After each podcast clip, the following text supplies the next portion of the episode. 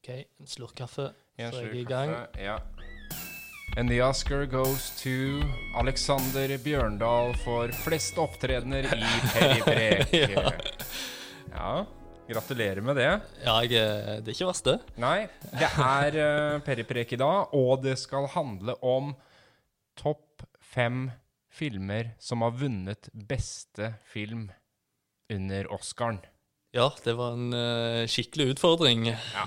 Det her er ikke lett. Nei. Ikke i det hele tatt. Det er nok kanskje den vanskeligste lista fordi man har så mye å velge på.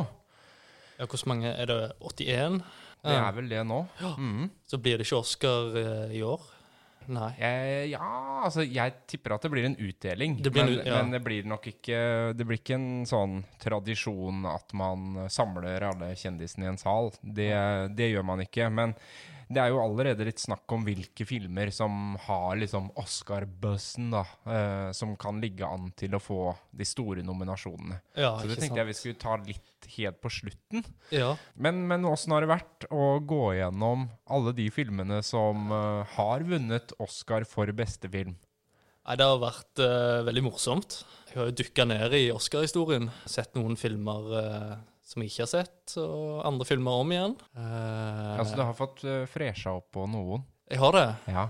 uten å si for mye om lista, men det er jo liksom uh, Det er en del filmer som, uh, som har vært nevnt eh, før. Ja, ja da. Man kommer jo ikke utenom det med, med noen av de store filmene. Jeg merka jo at jeg antagelig på den lista her har gått veldig etter magefølelsen. Ja. For først så begynte jeg å gå gjennom liksom, hva skal kriteriene være. Skal jeg tenke sånn i filmhistorien, hvilke filmer som har betydd mest, hvilke som var mest innovative, mest nyskapende.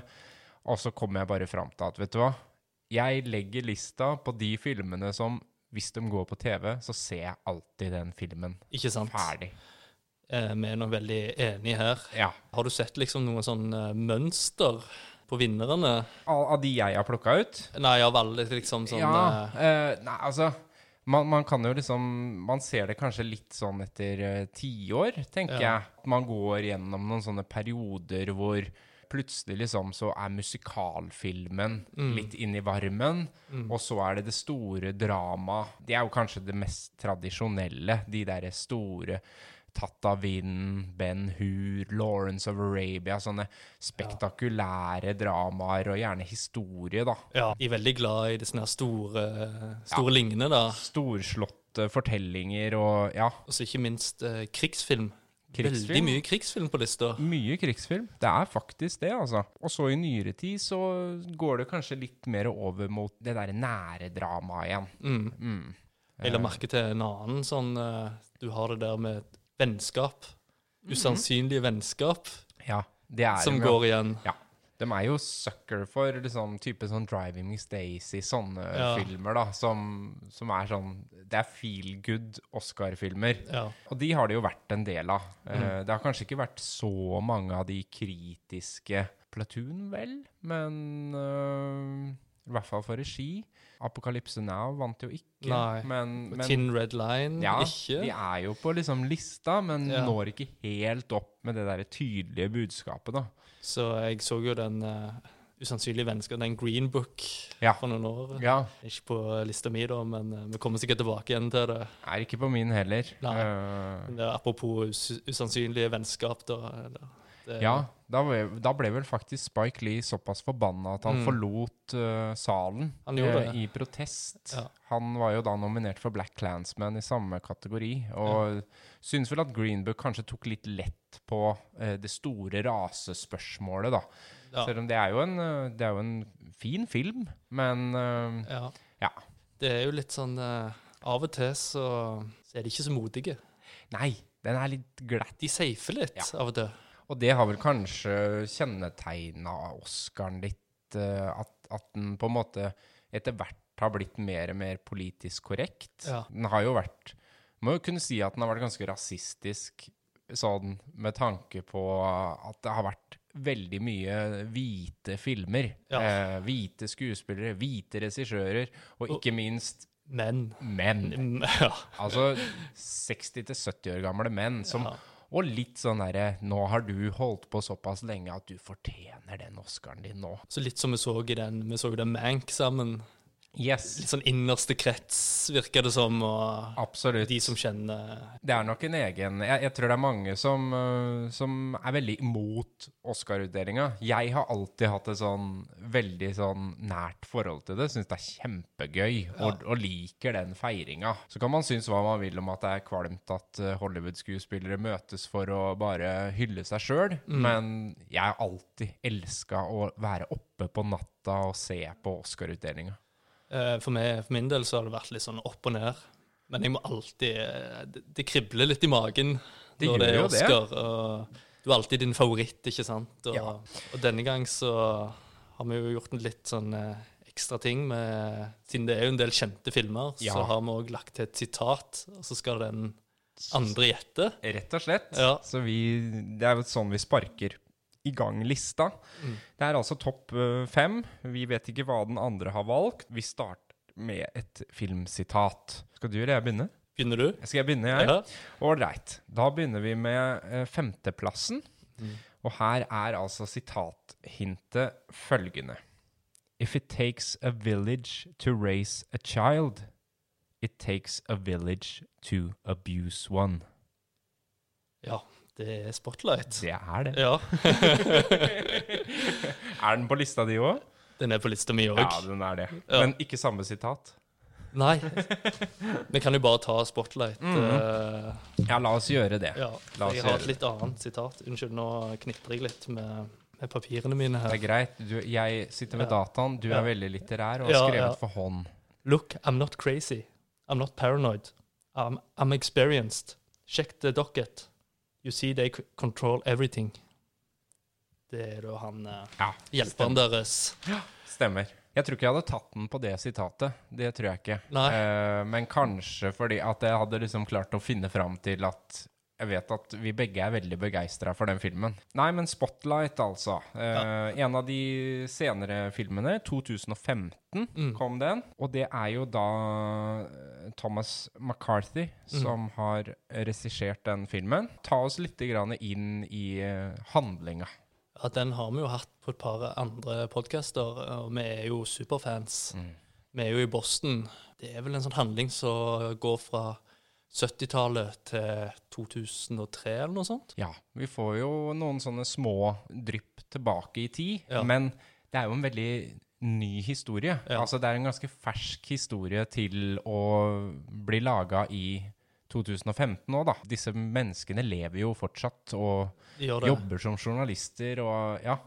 Og de hjalp veldig til med filmen, Mm. leste jeg meg eh, opp på. Sånn det, altså, det er jo så utrolig sånn detaljer her. Eh, og handlinga er jo selvfølgelig um, Boston Globe-sak, um, som, uh, som gravende journalister som finner ut at uh, den katolske kirka har drevet systematisk overgrep. Og ikke bare i Boston, men overalt. Ja. Så, så det her begynner jo som en sånn Man graver i ett spor, Ja. og så viser det seg å være et edderkoppnett som er helt enormt stort, da.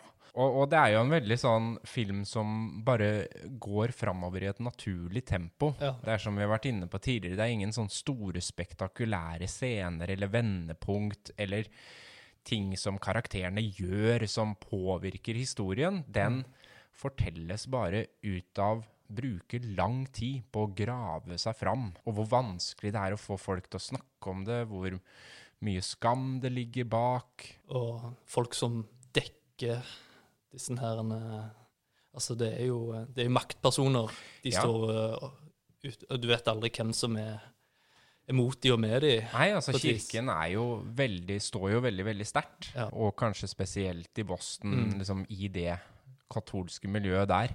Og et uh, skuespillergalleri som Ja. jo man bare liksom drømmer om. Ja, alt klaffer i den filmen der, og jeg har sett den fem ganger. Og det, jeg får frysninger på ryggen hver gang. Ja, den er sånn helt bunnsolid, og den har på en måte ingen scener eller noe Jeg har også sett den flere ganger og tenkt sånn Det er ikke noe jeg ville tatt bort eller lagt til Mm. eller endra på. Den blir aldri sentimental. Den er Mm. bare liksom veldig ærlig og brutal. Mm. Og, og veldig sånn flue på veggen. Mm. Eh, man heier jo på Altså man heier på journalistene som skal avdekke det, men det er på en måte De gjør bare jobben sin. Mm. De skal jo starte med en ny sak når den her er ferdig. Mm. Men utrolig fascinerende hvor, hvor lavmælt den filmen er. Ja. Mm.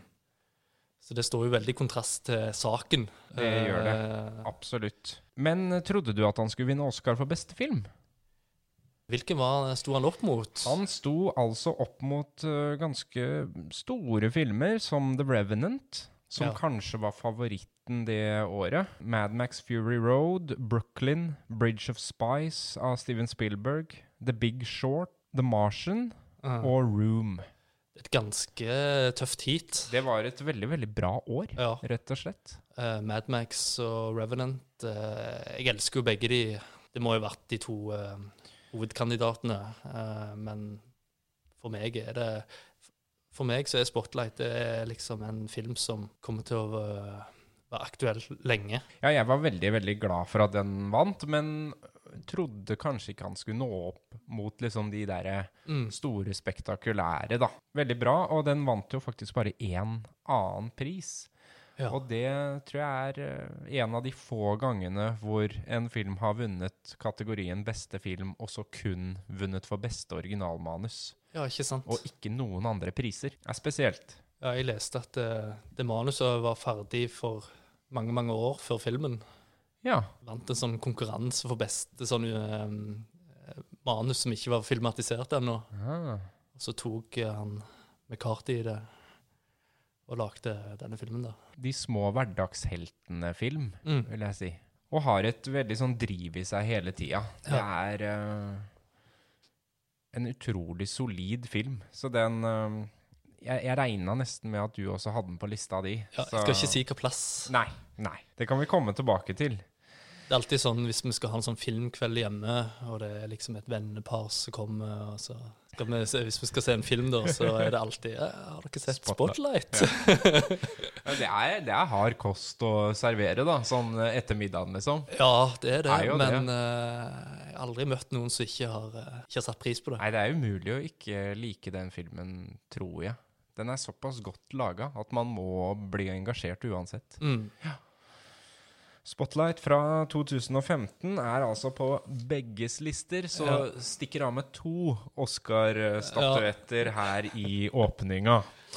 Og da er det din første Ja, dette er et veldig um, kort uh, sitat. Oh. Ja. Ja. Mm, juicy fruit. Mm.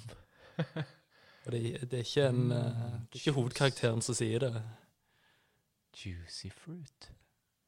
Det høres jo veldig eh, sånn lett og ledig ut. Ja. Høres ikke ut som en sånn kjempeseriøs film. Nei, det, det, det, er, det er ikke en komedie, sånn eh, direkte en komedie, men Er vi Den er morsom, Er vi på Annie Hall? vi er ikke på Annie Hall. Nei, nei. Men med rett uh, tiår, tror jeg. Det er på okay. 70-tallet. 70-tallet Nei, jeg tror ikke jeg tar den. Hvis ikke vi skal til en annen film vi også har prata om, Ja. som jeg ikke har sett. Nei, Denne har du sett. Denne har jeg sett, Ja. Da. Juicy Fruit? Er vi på Er det noe med gudfaren? Det er ikke Gudfaren. Nei, da Skal jeg si det? Ja, du må si det. Det er Gjøkeredet. Åh! Det er da han uh, Chief uh, ja. Chief Bromden Yes. som sier det. Uh, One flew off the cuckoo's nest. ja, det er jo en film som er Ja, som du sier, eh, som du begynte med, går den på TV, Mm. så ser jeg alltid den. Den er, den er ikke på lista mi, men den eh, står på andreplass over de som ikke kom med. Ikke sant? Så den var eh, Det er jo nesten umulig å lage en topp fem. Altså, det er mange som tangerer hverandre her. Ja. Og Gjøkerødet er jo virkelig langt der oppe. Så det er jo uh, Jack Nicholson Mm. i sin storhetstid. 1975, dette her, og regissert av Milos eh, Forman, som òg vant Oscar for eh, Amadeus. Som også er en fantastisk film. Ja, lenge siden jeg har sett Amadeus. Milos, han kan lage film, altså. Ja, Ja. Og her er vi jo på eh, mentalsykehus, Mm. og han, eh, Jack Nicholson er jo, sitter jo egentlig i fengsel, men lurer seg unna der, og skal bare på eh, dette mentalsykehuset og slappe av. Men det blir jo ikke helt sånn. Dette er en easy-peasy måte. Nei, for der møter han jo nurse uh, Ratchet, Mm. som styrer den avdelinga med en uh, jernhånd. Mange av dere har sikkert uh, sett den filmen før. Med nurse Ratchet hun ble jo bombardert med stygge brev etter den rollen, for det var så troverdig. Og det skjønner jeg, det er jo en utrolig bra bad guy. Mm. Men, eh, Jack Nielsen gjør jo opprør mot eh, systemet, litt sånn eh, spotlight-aktig. Han er jo veldig opprører Ja. fra e med en gang han kommer inn. Ja. Og er jo en sånn type òg, men har jo da evnen til å få med seg Mm. alle disse med forskjellige psykiske utviklingshemminger. Ja. Ja. Hele pokerlaget. ja. Ja. Og, nei, og han ser det jo på en helt annen måte enn, hun, enn disse her Mm. sykepleierne. Nei, det er jo en rørende, spesielt når de spiller basketball mot uh, Ja, er så jo Han er jo en uh, skikkelig antihelt. skikkelig antihelt. Uh, ikke kjempelett å like, men har jo den evnen til å se disse menneskene for det de er, eh, og liksom løfte dem opp da, og Mm. gi dem kanskje rettigheter som de ikke hadde. Mm. På det her hjemmet så er man jo egentlig opptatt av å bare gi dem en pille, sånn at de går og legger seg og oppfører seg pent. Mm. Eh, så det her er jo en veldig sånn kritikk av systemet, Veldig. og tar jo tak i det her, hva det betyr å være menneske, eh, alle rettighetene man ikke har, eh, men burde hatt. Mm. Ja. Nei, det er liksom Det du sier der, er liksom grunnen til at uh, den er på lista. Mm. Det er veldig eh, Ja. En god, god film. Mm. Og den er jo eh, Det er én av tre filmer som vant da The Big Five, Ja. som man sier. ja. Ja. Du, du hadde det i hodet? Yes. Ja, jeg har notert det her. Og det er eh, beste film, beste regi, Mm. beste skuespiller Ja. og ma- Beste manus. Ja. Og Det, de to andre er jo eh, It Happened One Time. Den er fra 30-tallet. It Happened Ja, It Happened One Night. One Night. Ja. Ja. Mm. Den har jeg ikke sett. ja, den har jeg sett. eh, eh, eh, og så var det jo eh, Silence of the Lamb. Ja. Mm. One Flew Off the Cuckoo's Nest. Får ikke nok av. Nei. Er jo skrevet, basert på en bok. En eh, amerikansk klassiker, det òg. Mm. Ken Casey. Så var jo en del av denne Beat, uh, beat Generation, Ja. som er jo òg uh, Har du sett eh. Eller har du lest boka? Ikke lest boka. Nei. Ikke lest den av han, men eh, jeg har lest en annen av han. Kjempegod forfatter. Mm. Det er kanskje ikke så mye mer å si om den. Se han igjen. Jo, Jack Nicholson var jo ikke førstevalget. Nei. Han var faktisk femtevalget. Femte valget. Er ikke det ganske drøyt? Og da var han jo allerede blitt ganske stor. Ja. Så James Caan var nummer én. Marlon Brando, Gene Hackman og Burt Reynolds. Ja. Alle før han. Men det er ganske stor Det er jo Jeg ser for meg at for så vidt både Marlon Brando og Gene, Gene Hackman kanskje mest, mm. men det er jo ingen som har det uttrykket som Jack Nicholson hadde, Nei, på en måte. Det derre helt sånn Man trodde liksom at han der er litt gæren, han. Ja. Han var det kanskje òg. Ja. Så vi kjenner jo litt igjen til Ondskapens hotell, Ja, Det er jo det å dra det på en måte eh, egentlig litt for langt, Mm. men allikevel sånn at det er troverdig fordi det er han. Eh, Det er, det er veldig få som kunne liksom gjort den så animert. Tror, ikke, jeg tror ikke James Caan kunne Det hadde funka veldig dårlig, Ja. tror jeg. Det, selv om det er også en veldig god skuespiller. Men da, Veldig da god. tror jeg det hadde blitt en veldig sånn Hva skal man si? En veldig trist film. mm. Uh, og veldig melankolsk. Ja. Det er jo det som er nøkkelen her. Det er jo at Jack Nicholson bringer mye Ja. komedie uten å spille komisk. ja. Nei, det er, det er som du sier, alt klaffer i Mm. den filmen. Det gjør det. Det gjør det. Og helt fantastiske biroller òg, da. Ja, Danny DeVito. Og, Ja, ja. og eh, slutten Ja, det Vi kan jo ikke spoile denne Nei, filmen her, den er jo så gammel. Men eh, hvordan tolker du eh, slutten? Og det er et stort spørsmål. Ja. Det er jo nesten en podkast i seg sjøl. ja. Hmm. Nei, Chief altså Bronton uh, Ja da, ha, det er jo én ting, men jeg tenker jo også at på, på, på et eller annet vis Altså, opprøret fungerer jo, men systemet vinner på en måte også. Mm. Altså det, er- For meg så handler det jo litt om å liksom prøve å gjøre de små forandringene, men at det kanskje betyr noe for én person, da. Mm. Uh, når man egentlig ville at det skulle bety noe for en, en, et helt samfunn, eller Mm. hele menneskeheten, liksom, Mm. så, så treffer man kanskje den ene som kommer seg ut eller blir påvirka, eller ja. Mm. Det, man kan jo velge å se det som uh, en liksom veldig trist slutt, eller en veldig håpefull slutt, da. Mm. Jeg, jeg ser jo mye håp i, i den slutten. Ja. Ja. Jeg liker den tolkninga. ja. Nei, jeg har alltid tenkt på at han, uh, at han så på Jack Nicholson som en veldig uh, plaga sjel, Ja. og slapp han fri. Mm. Uh, Ja. Alltid tenkt. Men eh, som Mm. du sier, Ja. helt åpen, og det liker jeg. Og den, eh, for å trekke liksom en liten sammenligning til en annen Oscar-film, eh, 'Million Dollar Baby', Mm, ja. som også har noen elementer av at hvis ikke den personen som har noen veldig sterke meninger om noen veldig sterke lidenskaper, ikke lenger kan leve ut det. Den, den stiller jo noen spørsmål med hva, hva er et liv, da? Hva er, Mm. hva er et menneskeliv verdt? Ikke sant? Den er òg veldig sterk. Ja, den er også veldig Ja. sterk. Det er den. Veldig. Da er vi Da er vi på nummer fire hos meg. Ja. Ja. Skal vi til uh, en uh, gammel kjenning? ja. Gi meg Og sitatet. da, da gir jeg deg sitatet med en liten uh, twist. oh, ja, oi. Nemlig Alex, I think this is the beginning of a beautiful friendship. Siste replikken i denne filmen. I think this is the beginning of a beautiful friendship.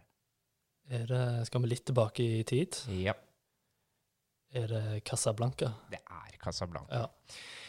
Det er den eldste filmen jeg har på lista, Mm. eh, og en av de få gamle filmene. Mm. Eh, det er mange godbiter av de gamle, Mm. eh, men få som jeg liksom Hva skal man si? Som det ikke er litt ork å se opp igjen, Ja. hvis du skjønner. Det er mange av de derre Å, de varer i to og en halv time, tre Mm. og en halv time, og det går så sakte. Ja. Det er veldig flott, og det var sikkert helt fantastisk da det kom ja.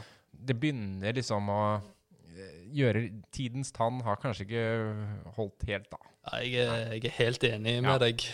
Eh, Så det er sånne filmer som var utrolig viktige, og kanskje langt forut for sin tid, eh, men som faktisk ikke har tålt eh, 50 år eller eh, 60 eller altså, storyene og ja, konseptene holder jo, Mm. men, men det er de derre Å ja, det tar, du, du filma faktisk at det gikk tre minutter å gå derfra til dit, ja. Ja, ja. Tok med alt. Ja. Mm, ja. Men Casablanca føles ikke sånn. Casablanca føles absolutt ikke sånn. Uh, Michael Curtis regi. Vi har jo vært inne på den flere ganger. Mm. Uh, sånn fram og tilbake. Det er jo, den er jo litt sånn eh, Det er jo mange sjangre her. Det er Veldig mange. krigsfilm, det er kjærlighet. Ja. Det er Humphrey Bogart, og det er Ingrid Bergman. Det er den store kjærlighetshistorien som jo ligger i bånn her. Men handler jo om Rick, som eh, driver sin lille kafé, Mm. Ricks, i Casablanca. Og her kommer jo både eh, nazistene Mm. og eh, motstandsfolket. Mm. Samles jo. Det er jo liksom en smeltedigel egentlig for verden, Ja. eh, det her. Det er jo det. Et slags fristed. Ja. Så, Det er franskmenn, det er afrikanere, det Ja. er engelskmenn, det er amerikanere, det er uh, nazister Det er altså Alle går på denne puben, og han Rick er jo nøytral. ja. Uh, derfor kan jo alle møtes. Og så um, er det jo da Ingrid Bergman og, um, og Victor Lanslow, Paul Henrid, som da uh, søker tilflukt Mm. hos han. Og det viser seg jo da å være hans gamle flamme. Mm. Ingrid Bergman. Ja. Um, og han må jo ta det store valget da, om han skal holdt på å si, hjelpe mannen som nå har tatt over dama hans, Mm. Mm. eller om han skal la han i stikken og stikke av med dama sjæl. Ja. Ja. Men eh, det er jo liksom ikke mm, Det er kanskje ikke storyen som gjør han tidløs. Ja, hva skal man si? Det er jo kanskje først og fremst skuespillet og manuset. Ja. Altså, Dialogene bare dialogene Snap, snap, snap. Ja. ja. Det er jo liksom Uten sammenligning for øvrig, men Tarantino må jo ha Mm. henta inspirasjon Mm. fra på en måte sånne lange barscener hvor det er bare dialogdrevet. Mm. Det er jo ikke så mye som skjer i filmen. Mm. Altså, alt foregår inne på den baren, Mm. og det er mye snakk om hva vi må rømme, vi må dit, vi må gjemme oss, men Mm. stort sett så sitter han jo med et glass gin and tonic, liksom. Det er best, best i baren. Ja, det er best i baren. ja, ja. ja. Er jo kanskje en av de tidlige filmene som har så mange store eh, replikker Ja. som har blitt stående igjen, og som når man kaster de ut, så, så vet man med en gang, liksom. Det var derfor jeg ikke kunne si Nei. We'll always have Paris, eller Here's looking at you, kid, Nei. eller Play it, Sam, eller Altså, det er så mye å ta av. Hvem som skrev manuset? Skal vi se. Det var ikke Michael, eh, det var ikke regissøren. Nei, det var eh, Julius Epstein og Ja. Philip Epstein. Ja, ikke sant? Mm. Det er tre, tre credits til. Så det er mange som Det er egentlig et skuespill okay. av Murray Burnett og John Allison. ikke sant? Som, et play, da. Ja. Og så er det tre Epstein-brødrene og en som heter Coach, som uh, har skrevet eh, det til, uh, til det filmmanuset det ble, da. ja, for det er jo Mm. litt sånn, ja. Grunnen til det er en plass, veldig sånn teater. Ja, eh, det, er jo, det gir jo veldig mening at uh, man sitter der i den baren Ja. med en pianist på scenen, sikkert, og den veldig, veldig gode dialogen. Mm. Mm. Og så er det jo kjærlighetshistorien, eh, som jeg også tenker har, Altså, det går jo alltid en eller annen krig, på en Mm. måte. Mm. Uh, men det er klart det sto, sto mye på spill i andre verdenskrig. Mm. Og, og det der å ta opp tematikken med om man er nøytral eller ikke, er man egentlig noen gang det? Eh, og den store kjærlighetshistorien midt oppi der, Ja. det, det tenker jeg gjør at det, Mm. den har noe som alltid vil være aktuelt. Da. Mm. Mm. Hvilke år kom han? Uh, det var vel i 42, Ja, så det er jo under krigen. ja altså. det er jo sprøtt. Og det er vel liksom før eh, amerikanerne hiver seg inn i Ja. eh, motstand og Ja. Ja. Så, så den, egentlig ganske forut for sin tid, men var ikke noen sånn storfilm. Eh, jeg tror det var ganske overraskende at den ble så populær, og at han vant Oscar for beste film. Det, var ikke, mm, det var ikke gitt, det. Nei. Jeg kan se hvilke andre filmer som var opp mot det samme året. 42. From Whom the Bells Toll. Ja, ikke noe særlig andre store. Heaven Can Wait var vel en ganske kjent film. Ikke noe utover det som jeg Nei. tenker var, eh, var noen store. Og de, de var jo veldig populære. Humphrey Bogart var jo kjempepopulær, Ja. og Ingrid Bergman òg, på den tida. Ja, det var jo stjernedag. Ja, ja. Virkelig.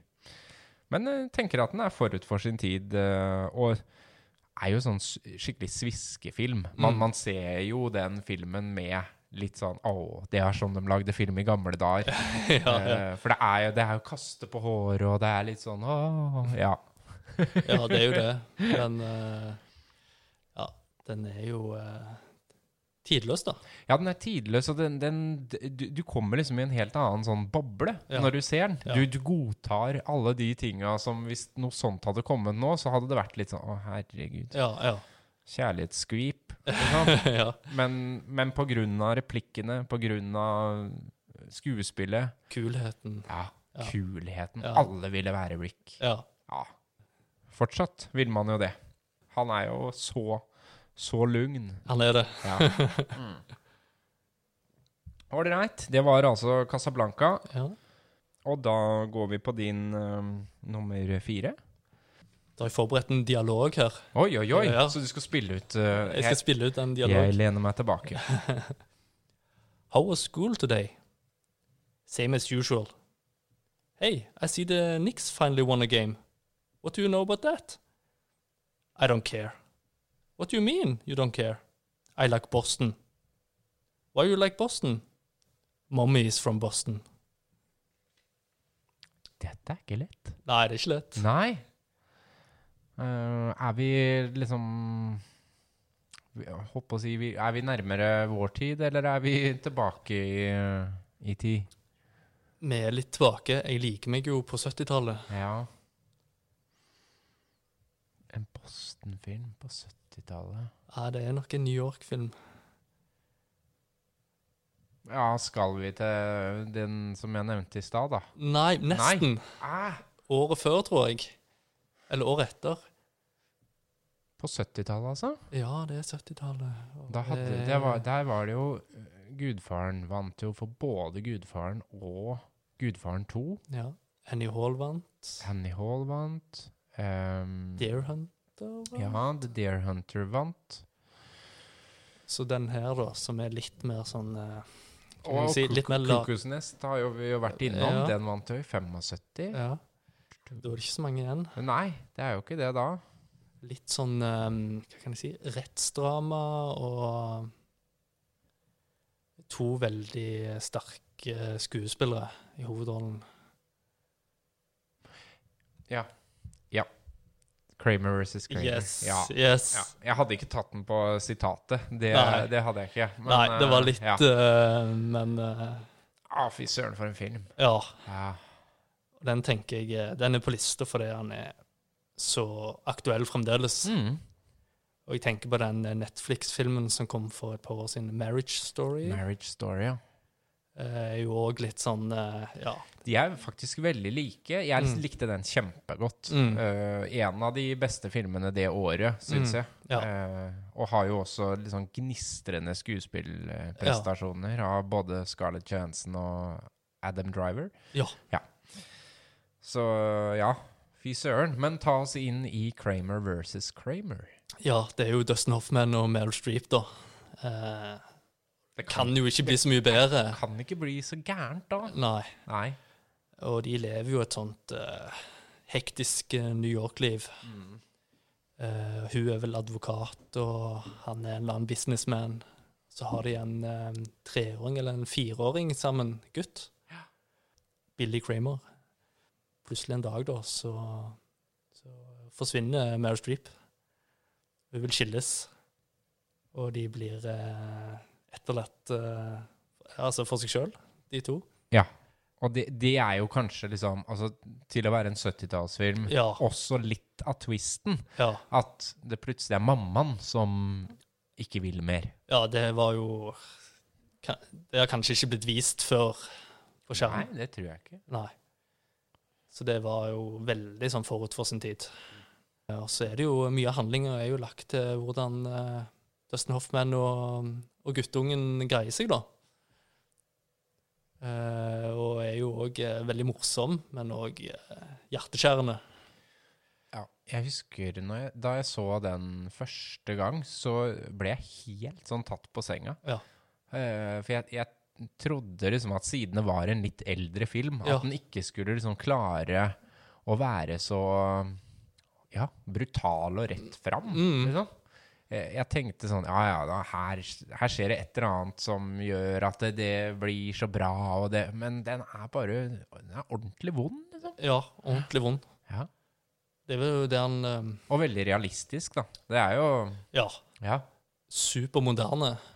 veldig moderne Uh, i- det at det liksom hvor, hvor slemme man blir mot hverandre mm. uh, i et sånn brudd. Ja. Um, Og så det der med å eh, Ingen er gode eller onde her, mm. på en måte. Det balanserer. Nei, og veldig sånn utfordrende på, på det med morsrollen. Ja. Eh, og at liksom Man hadde aldri på en måte tenkt seg at en mor kunne ønske å velge bort eller velge mindre av sitt eget barn, liksom. Mm. Det var jo helt tabu Mm. eh, å på en måte være noe annet enn mor. Mm. Eh, så, så der tenker jeg han var veldig tidlig ute. ja. Ja.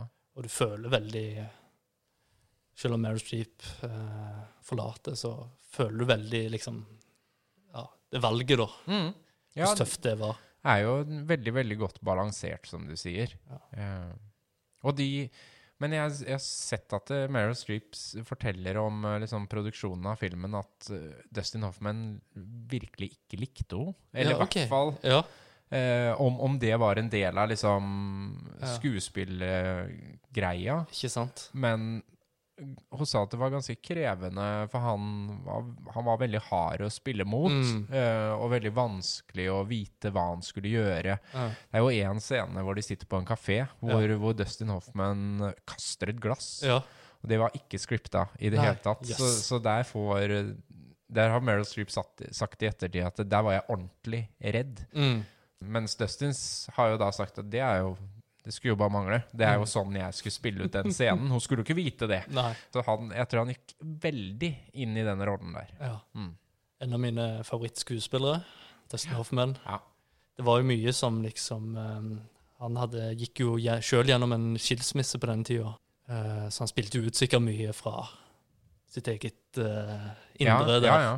Og hun, uh, Mel Streep, sørga jo uh, ennå over mannen sin, John Casales, uh, død. Så her var det mye eh, følelser i sving, og det merker vi jo. Han, for han vant også Oscar for beste hovedrolle? Ja, jeg tror det. Ja, det gjorde han. Hvilke andre filmer var det de liksom kjempe... For det var et ganske bra, Skal vi bra se. Det var da Ja, det var det. Altså, uh, Deer Hunter hadde jo da vunnet året før, i 1978. Og så kommer da Kramer versus Kramer og vinner over Apocalypse Now. Aha, ja, det var Ja. den. Ja. Så, så det var Altså, ja, hvem vet? Hvis det ikke um, Liksom det de er jo også en sånn greie med Oscar. Mm. At hvis en krigsfilm har vunnet året før, så er det Ja. dumt å komme med en svær krigsfilm året etter. ja. Man skal jo liksom noen ganger prøve å kaste ballene litt opp i lufta og gjøre noe nytt, da. Ja. Men selv om jeg, eh, jeg elsker jo Apocalypse Now Hadde jo den som nummer én, tror jeg, på krigsfilm. Ja, det hadde du. For meg så gjorde Oscar rett der, altså. Ja, jeg er helt enig. Eh, og jeg så opp igjen Apokalypse Now, og eh, ja, jeg tenker jo at der, den begynner å bli lang. Ja, Eh, Ja. Den gjør det. Den, gjør det. Den er spektakulær og har noen liksom gullscener, Mm. men uh, man, man begynner kanskje å miste litt den der, det der krigskaoset. Er kanskje ikke like tydelig lenger. Nei. Så Kramer versus Kramer, jeg hadde nok også gitt uh, statuetten til den Ja. når jeg skulle valgt mellom de filmene. Ja. Den er sterk. ja, den er sterk. Og da er vi jo virkelig inne i det derre Oscar-dramaet, da. Mm. Mm. Den, eh, den treffer jo der. Har, har du noe mer om den som du har lyst til å Alt jeg hadde på blokka her. Ja. Jeg ser her at, eh, at Dustin Hoffman har liksom nesten blitt anklaga for for å plage uh, Meryl Streep under hele innspillinga. Ja. Og var uh, knallhard. ja. Så jeg tror ikke de er De er ikke der. Nei. Nei. Men eh, de lagde jo noe helt spesielt, da. Det så det de. var kanskje Ja, da, Det er ikke alltid det det koster litt, det. det koster. Mm. Det blir ikke vennskap Altså, ikke alltid det vennskap det blir liksom eh, Ja, juveler med, eller Nei, ja, det er sant. Ja, så skal jeg ta min nummer tre. Det var nummer tre, ja. Ja. Da er vi klare for sitatet. Ja. I'm having an old friend for dinner. Ja. Jeg tror jeg vet eh, Det er vel eh, Det er jo Vi skal til 90-tallet, Ja, og vi skal til 'Silence of the Lamb'. det er helt Ja. riktig. Hannibal Lecter. eh, det er jo også siste replikk, faktisk, i den filmen. Den har jeg òg på lista. Oh, Ja. Der traff vi igjen. Ja. Dette er, det er veldig bra. Ja. Og den som du var inne på i stad, er jo en av The Big Five. Det var jo derfor jeg da visste at One Flew of the Cuckoo's Nest var også på den. ja. Eh, som har vunnet de fire store Oscar-statuettene, da. Mm. På Silence of the Lambs, altså. Det er jo eh, Jonathan Demme. Mm. Er jo laga mye liksom musikkdokumentarer, eh, musikkvideoer. Ja. Eh, veldig allsidig regissør. Mm. Og så plutselig så kommer det en sånn virkelig thriller Ja. veldig brutal. Er jo en av de få liksom, kall det 18-årsgrensefilmene som har vunnet Oscar Ja. og liksom blitt tatt inn i varmen eh, som noe mer enn bare sånn spekulativ uh, vold. Mm. Det handler jo da om, eh, om Jodie Foster, som er liksom virkelig hennes breakthrough-rolle òg, Mm. uh, som gjorde hun til en av de største skuespillerne i Hollywood. Som uh, blir satt på en sak uh, med Buffalo Bill, som er en seriemorder, som tar ja, litt, litt overvektige kvinner. Mm. Ja, han er glad i dem. Man gjør jo da et forsøk på Dr. Hannibal Lecter, som har hatt denne Billy som pasient, Ja. for å prøve å finne ut av hvem er det, og hvordan kan vi ta han. Mm. Og der blir altså Clarice sendt inn til Hannibal Lecter, spilt av Anthony Hopkins. Det er jo en uh, film som uh, Ja, som er litt for uh, Som står ut, da, av alle Oscar-vinnere, føler jeg. Altså, Veldig. Ja. Og det er kanskje det nærmeste vi kommer en grøsser. Jeg titta på det. Det er nok ingen andre filmer som har vunnet for Oscar, eh, som har vært nærmere skrekksjangeren. The Exorcist vant jo ikke. Nei. Den er jo liksom ren grøsser. Ja. Den burde vunnet. Men den her er nok den som ligner mest, ja. Ja, som du sier, den er jo spennende. Uh, Nervepirrende. Og så er det òg en litt annen helt. Altså en heltinne her, enn det vi er vant med. Og var jo, altså Selv til eh, at vi faktisk nå har kommet opp på 90-tallet, Ja. så er det jo ganske tidlig at det faktisk er en kvinnelig hovedrolle som driver hele filmen. Ja. Um, og Anthony Hopkins vant jo også Oscar, men er jo en birolle uh, eh, i den filmen. Mm. Så er det jo òg Det er jo basert på en krimbok. Mhm. Er det basert på virkelige uh, hendelser, eller? Eh, Den, eh, altså den har, det han har sagt i ettertid, er jo at han, tar, han har tatt og lånt fra flere forskjellige seriemordere. Ja. Eh, både til Hannibal Lecters karakter Ja. og til Buffalo Bills karakter. Men at det, at det har fantes seriemordere der ute som på et eller annet vis ligner litt. Ted Bundy var vel den som uh, likte å kle seg opp i dameklær og hadde det elementet. Ikke sant? Um, og det um, med at uh, på et tidspunkt her så er det jo et offer som er fanga nede i en brønn. Mm. Um, det har vi også eksempler på. Uh, mordere som har på en måte tatt vare på ofra sine før de har blitt drept. Og Hannibal Lecter er jeg usikker på om det fins noe som ligner på. Det er jo, det fins jo kannibalmordere der ute. Ja. Men som om de var doktorer og hyperintellektuelle i tillegg, ja. vanskelig å si. ja. Mitt sitat var jo her um, Is it true what they're saying? Huh? He's some kind of vampire. They don't have a name for what he is. They don't have a name for what he is. ja. Nei, og Sir Anthony. Hopkins gjør jo òg hva. en av de beste eh, bad guyene. Mm. Og den har, jo, den har jo ekstremt mye sånn i hvordan han er filmatisert òg. Mm. Eh, den gjør jo veldig mange grep som uh, man ikke hadde sett før. Med scener i totalt mørke, Mm. med lurescener hvor man banker på én dør, og det åpnes en annen dør. Eh, altså, Mm. den, den leker jo virkelig med liksom filmmediet. Mm. Ehm, ja, den, den uh, var forut for sin tid, den òg. selv om han nå begynner å bli, bli noen år. Ja, det er jo vanskelig for, å se for seg liksom, for filmer som Seven. Uten at Ja. uh, Silence of the Lamb har bana veien. og, og litt sånne røffe thrillere, kan Ja. man si. Så er det jo de to som liksom virkelig står ut Ja. som noe helt spesielt. Men Mm. David Fincher var nok veldig inspirert av 'Nattsvermeren' Ja. da, han, da han så Eller lagde Seven. Så hvor mange Den vant jo det meste, ja, av Oscar det året. Men hvilke filmer var det han uh, sto opp mot? Skal vi se her Da er vi på to 91, ja. Det var Beauty and the Beast. Ja. Um, ikke sett. Ja. Så var det Bug Bugsy med Warren Beatty. Ja. Uh, Prince of Tides. ja. Barbara Streisand-film. Ja. Greit at den ikke vant. Ja. uh, og en av mine favorittfilmer, eh, faktisk, Men jeg hadde, no, jeg hadde uansett valgt 'Silence of the Lambs', men Mm. Oliver Stones 'JFK'. Ja. Ja. Mm. Fantastisk eh, film. Men det var ikke liksom det tøffeste Nei, året. jeg tenker jo at han for så vidt da kanskje hadde flaks uh, det året. Ja. At det, at det da var mulig å gi prisen til en sånn type film. Ja. Mm. 'Silence of the Lambs', altså. Ja. Fra 1991. Det er godt at begge har den på lista. Vi er ganske samstemte Mm. her. Ah, jeg husker første gang jeg fikk lov til å se den. Jeg liksom grinte meg til det um, med fattern hjemme. Ja. Moderen var selvfølgelig ikke hjemme. Nei. Jeg har aldri gått hvis hun var hjemme. Nei.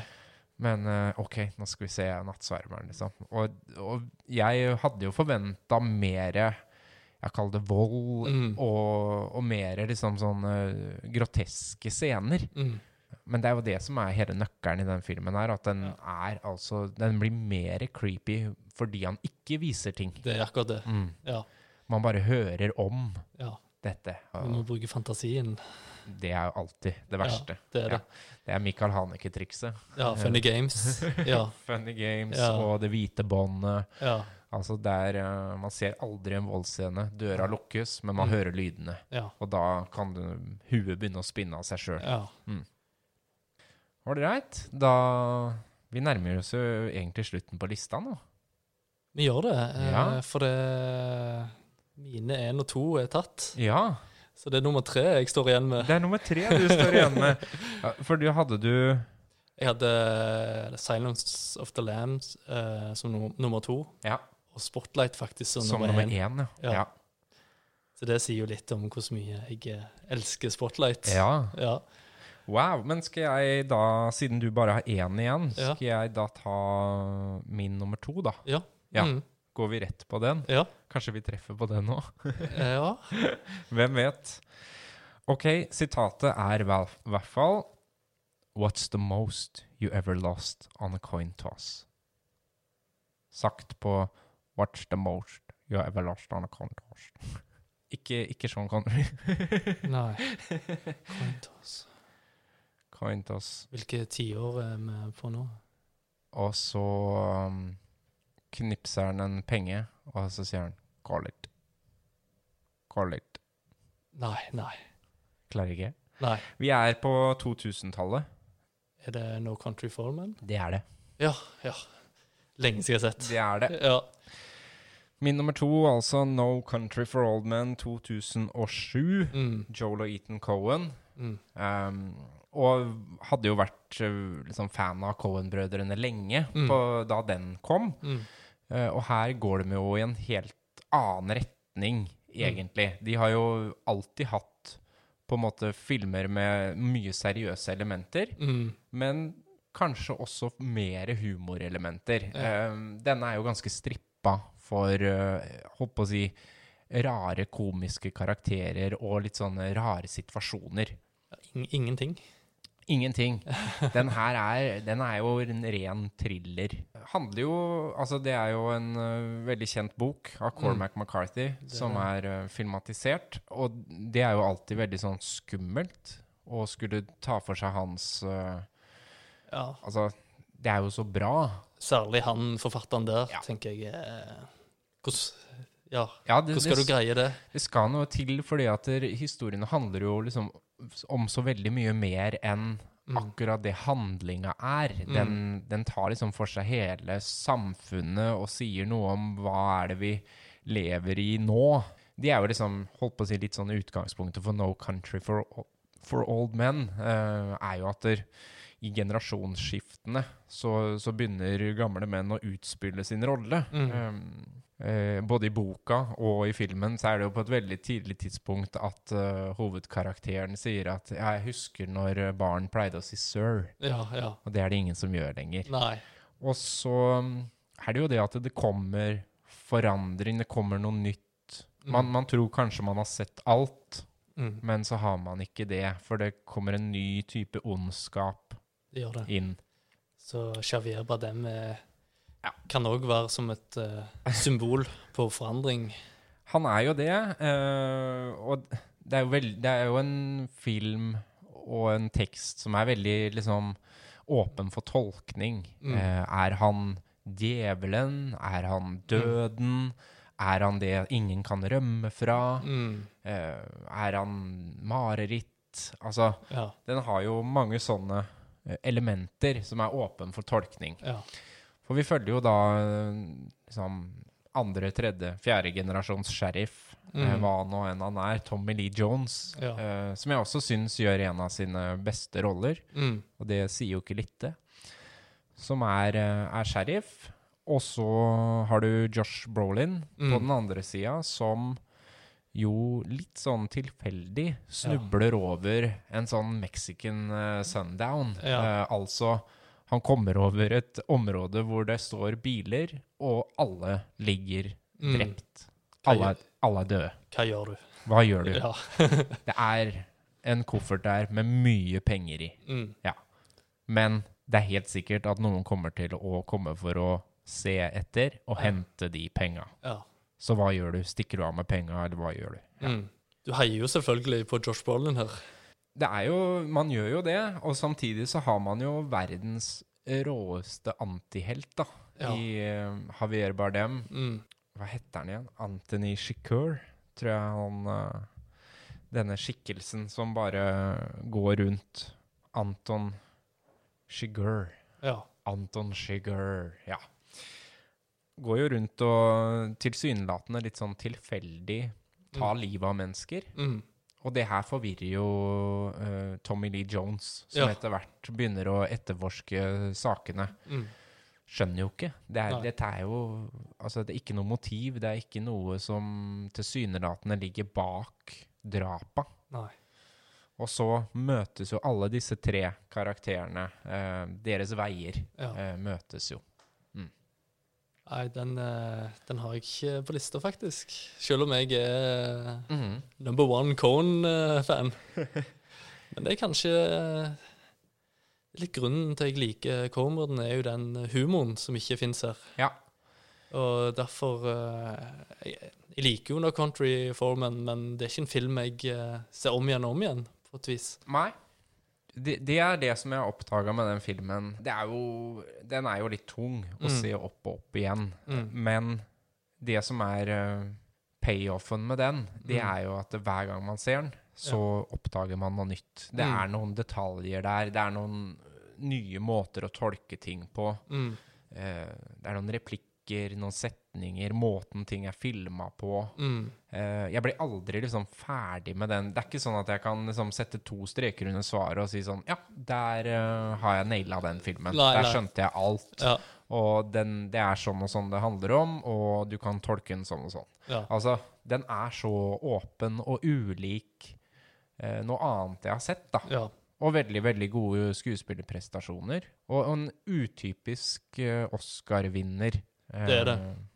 Fordi den er, den er litt western, den er litt drama, den er litt thriller. Og den er veldig, som jeg har sagt, åpen for tolkning. tolkning. Cohensk. Ja, veldig Cohensk. Den Mm. er det. Så, så de har jo tatt holdt på å si det beste fra to verdener, da. Ja. Eh, Cormac McCarthy med hans uh, veldig sånn Du får jo nesten sand i kaffen når Mm. du åpner en bok av han. Ja. Og så har du putta på de der twistene til Cohen-brødrene. ja.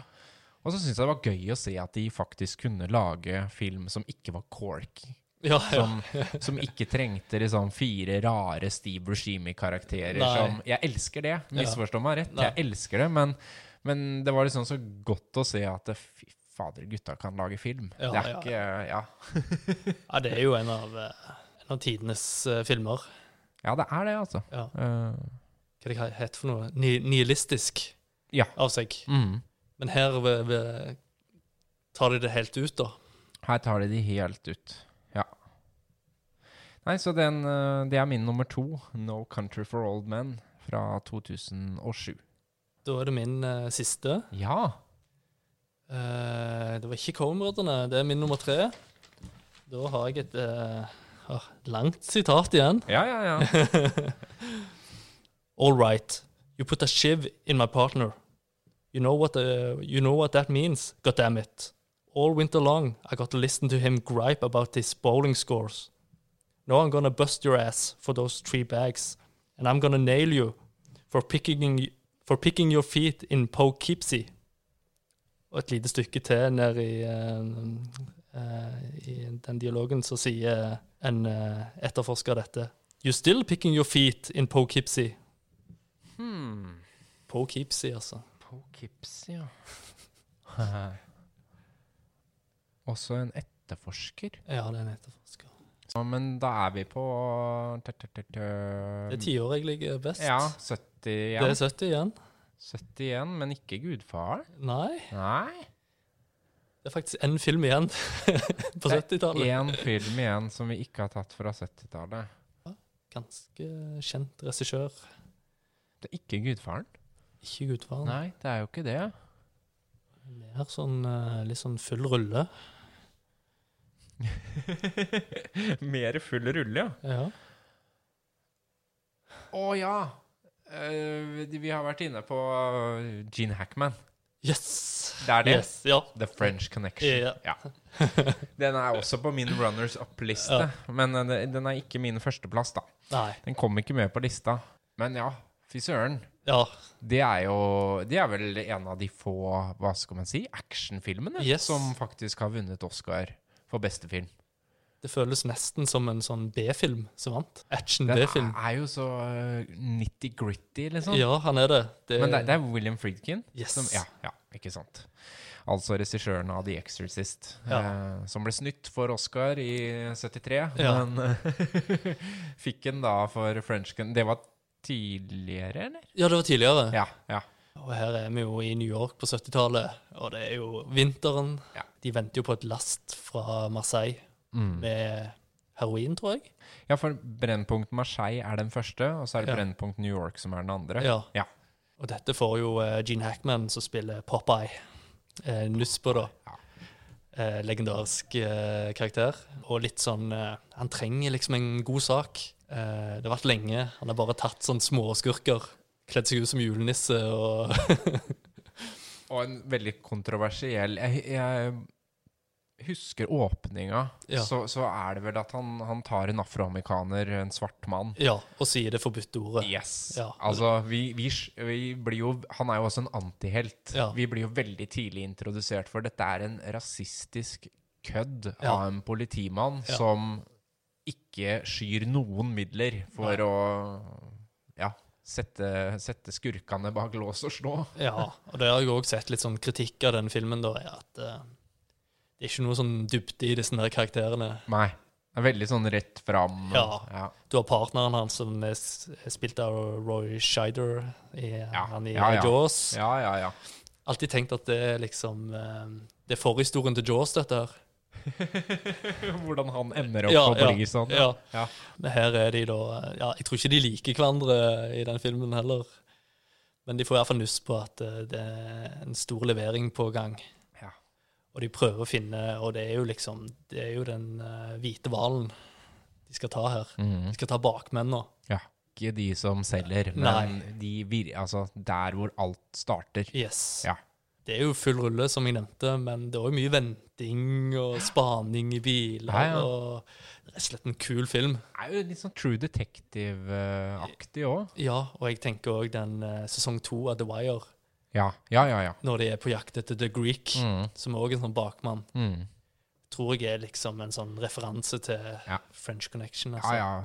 Veldig mange sånn, eh, senere 90-talls actionfilmer var jo veldig inspirert av French Connection, sånn som Ronin, Ja, eh, det derre Ransom Alle de er jo ja. Det er veldig sånn Vi har ett mål, Ja. og vi kjører på. Ja. Eh.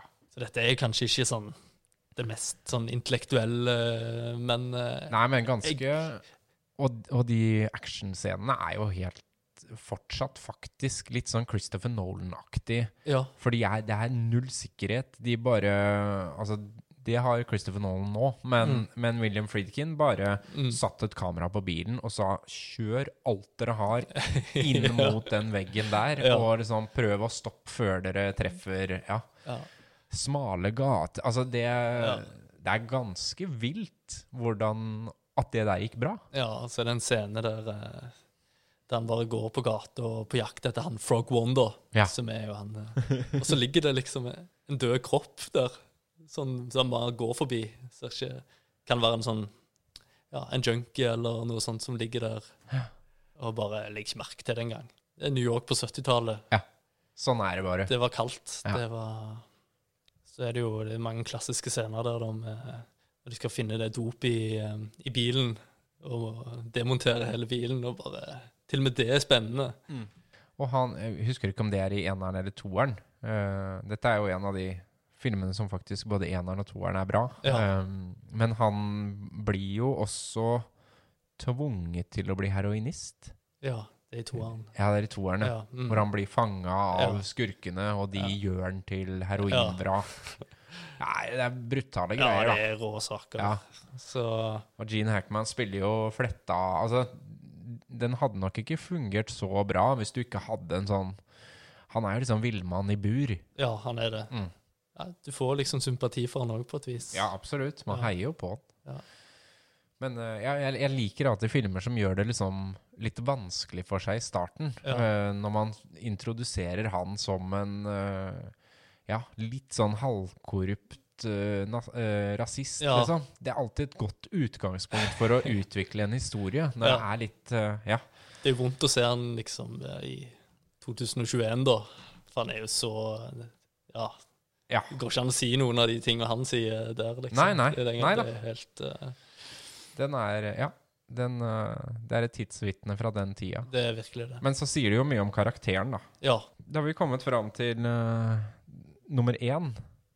Hos deg? Ja. Ja. Førsteplass. Ja. Ja. Vi har, spent på sitatet. vi har ikke vært innom henne i det hele tatt. Nei. Ja. Ikke nevnt regissøren. Ingenting. Nei. Nei. Jeg, kan, jeg skal begynne litt vanskelig, og så Ja. får vi se om du tar den. Ja. Magic Legs. Nei. Nei. Magic Legs. Er det Forrest Gump? Ja. Ah, ja. Det er Forrest Gump. ja, det er Forrest Gump. Som er min eh, Ja, det må bare Det er jo en av mine all time eh, favorittfilmer. Mm. Eh, fordi den har på en måte alt. Mm. Hvis, hvis du skulle anbe Bare tenk deg liksom på en øde øy, så skulle du bli anbefalt én film som Mm. man kan liksom få all, hele følelsesspekteret. Mm. Eh, du får amerikansk historie, verdenshistorie, du får eh, latter, du får gråt, det Mm. er vennskap, det er krig, det er eh, humor, det er alt mulig. Mm. Eh, og det er skuespillprestasjoner i ypperste klasse. Ja. Forrest Gump. ja. Ja. Det er en fin film. Ja, den er jo kjempefin, og syns fortsatt han er veldig god. Dette er jo en sånn typisk film jeg vokste opp med. Mm. Jeg Kom i 94, ikke sant? Det er sånn akkurat da man begynner å bli virkelig interessert uh, i film. Mm. Og er jo en sånn, ja, skikkelig hjerteknuser, liksom. Det er få som ikke liker Forrest Gump.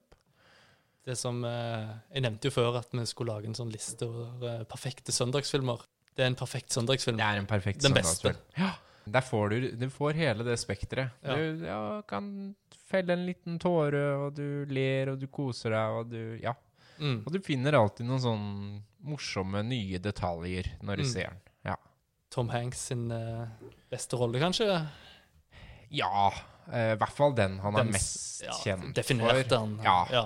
Altså, han vant jo da Oscar for beste mannlige hovedrolle to år på rad. Uh, Philadelphia i Ah, ja. 93, Den har jeg ikke sett. og så Forrest Gump i 94. mm. Så to år på rad. Og etter det så har han jo egentlig vært nominert nesten hver gang han har laga en film. Ja. Um, har ikke vunnet noe mer enn det, men um, fantastisk skuespiller. Og var vel kanskje den filmen han virkelig ble uh, The American Sweetheart, liksom. Mm. Den, den derre onkel Tom Hanks ja. som uh, nå kan spille alle de varme, hjertelige rollene bare fordi han er Tom Hanks. Mm. Ja. Det er jo Robert uh, Semesic som har uh, regissert filmen. Mm. Det er jo alt det Oscar uh, liker. Ja, det er alt. Det Det er er jo krigsfilm, det er vennskap, Ja. som du sa. Ja. Og det er amerikansk historie, Ja. det er uh, underdoggens liksom, sant? Den virkelig underdog-historien. Eh, det er jo the American dream, ikke sant? At Ja. selv med lav IQ og de dårligste oddsa for Ja. å klare seg, så kan du i Amerika bli et ikon. Ja, ja. Ja. Så det jo, når man stripper det ned til det, så blir man litt sånn småkvalm. Mm. Men jeg klarer ikke å la være. Den er altså så fin. Så er det jo mange utrolig fine bikarakterer, da. Veldig. Løytnant Dan er jo eh, en som eh, Ja. bare popper opp i hodet mitt. Ja, ja, ja. Og Bubba, selvfølgelig. Med sin Shrimp and Boat eh, Ja. Dream. Mm. Eh, Jenny, spilt av Robin Wright Penn, eller Robin Wright, da, som eh, hun nå heter. Og Sally Field som, Ja. som mammaen. ja. ja, det er jo Altså, det er Det er eh, A-laget. Ja, det er virkelig A-lag. Og den, ja, den leker jo med, med filmmediet. Den Mm. setter den inn i de rareste situasjoner for å Mm. liksom fortelle hans historie, men først og fremst amerikansk historie, da. Mm. Eh, filmmusikken er jo bare et lass fra liksom 40-50-tallet og opp eh, Til 80-tallet, eller? Ja, jeg tror, jeg tror vi ender helt på 90-tallet, Gjør det, egentlig. ja, ja. Jeg lurer på det. Mm. Ja. Um, Så bruker han jo sånn der han er virkelig opptak. Han- ja, ja, ja. Det er sånn eh, Jeg tenkte på um, Woody Allen med Hvilken film var det? Selig, eller? eh, Woody Allen hadde en sånn uh, Der han brukte det eh, Altså Trikset der. det trikset. Ja. eh, At det, ja, det er det med den lekenheten òg, da, i Mm. Forrest Gump. ja da, du har jo Kennedy som uh, Ja. sier til henne «Eh, Og hvordan går det? Og Forrest Gump sier jeg, jeg, må, jeg må på do og tisse. jeg, Ja, for han drukker Dr. Pepper. Yes. Som min eh, du favoritt, favorittbrus.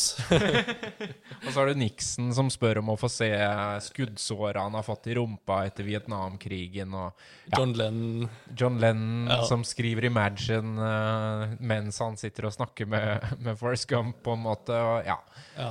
Er Veldig leken, morsom, Mm. flott manus, flotte skuespillprestasjoner. Eh, og en film som jeg Samme hvor jeg kommer inn i den, så ser Mm. jeg den ferdig. Ja.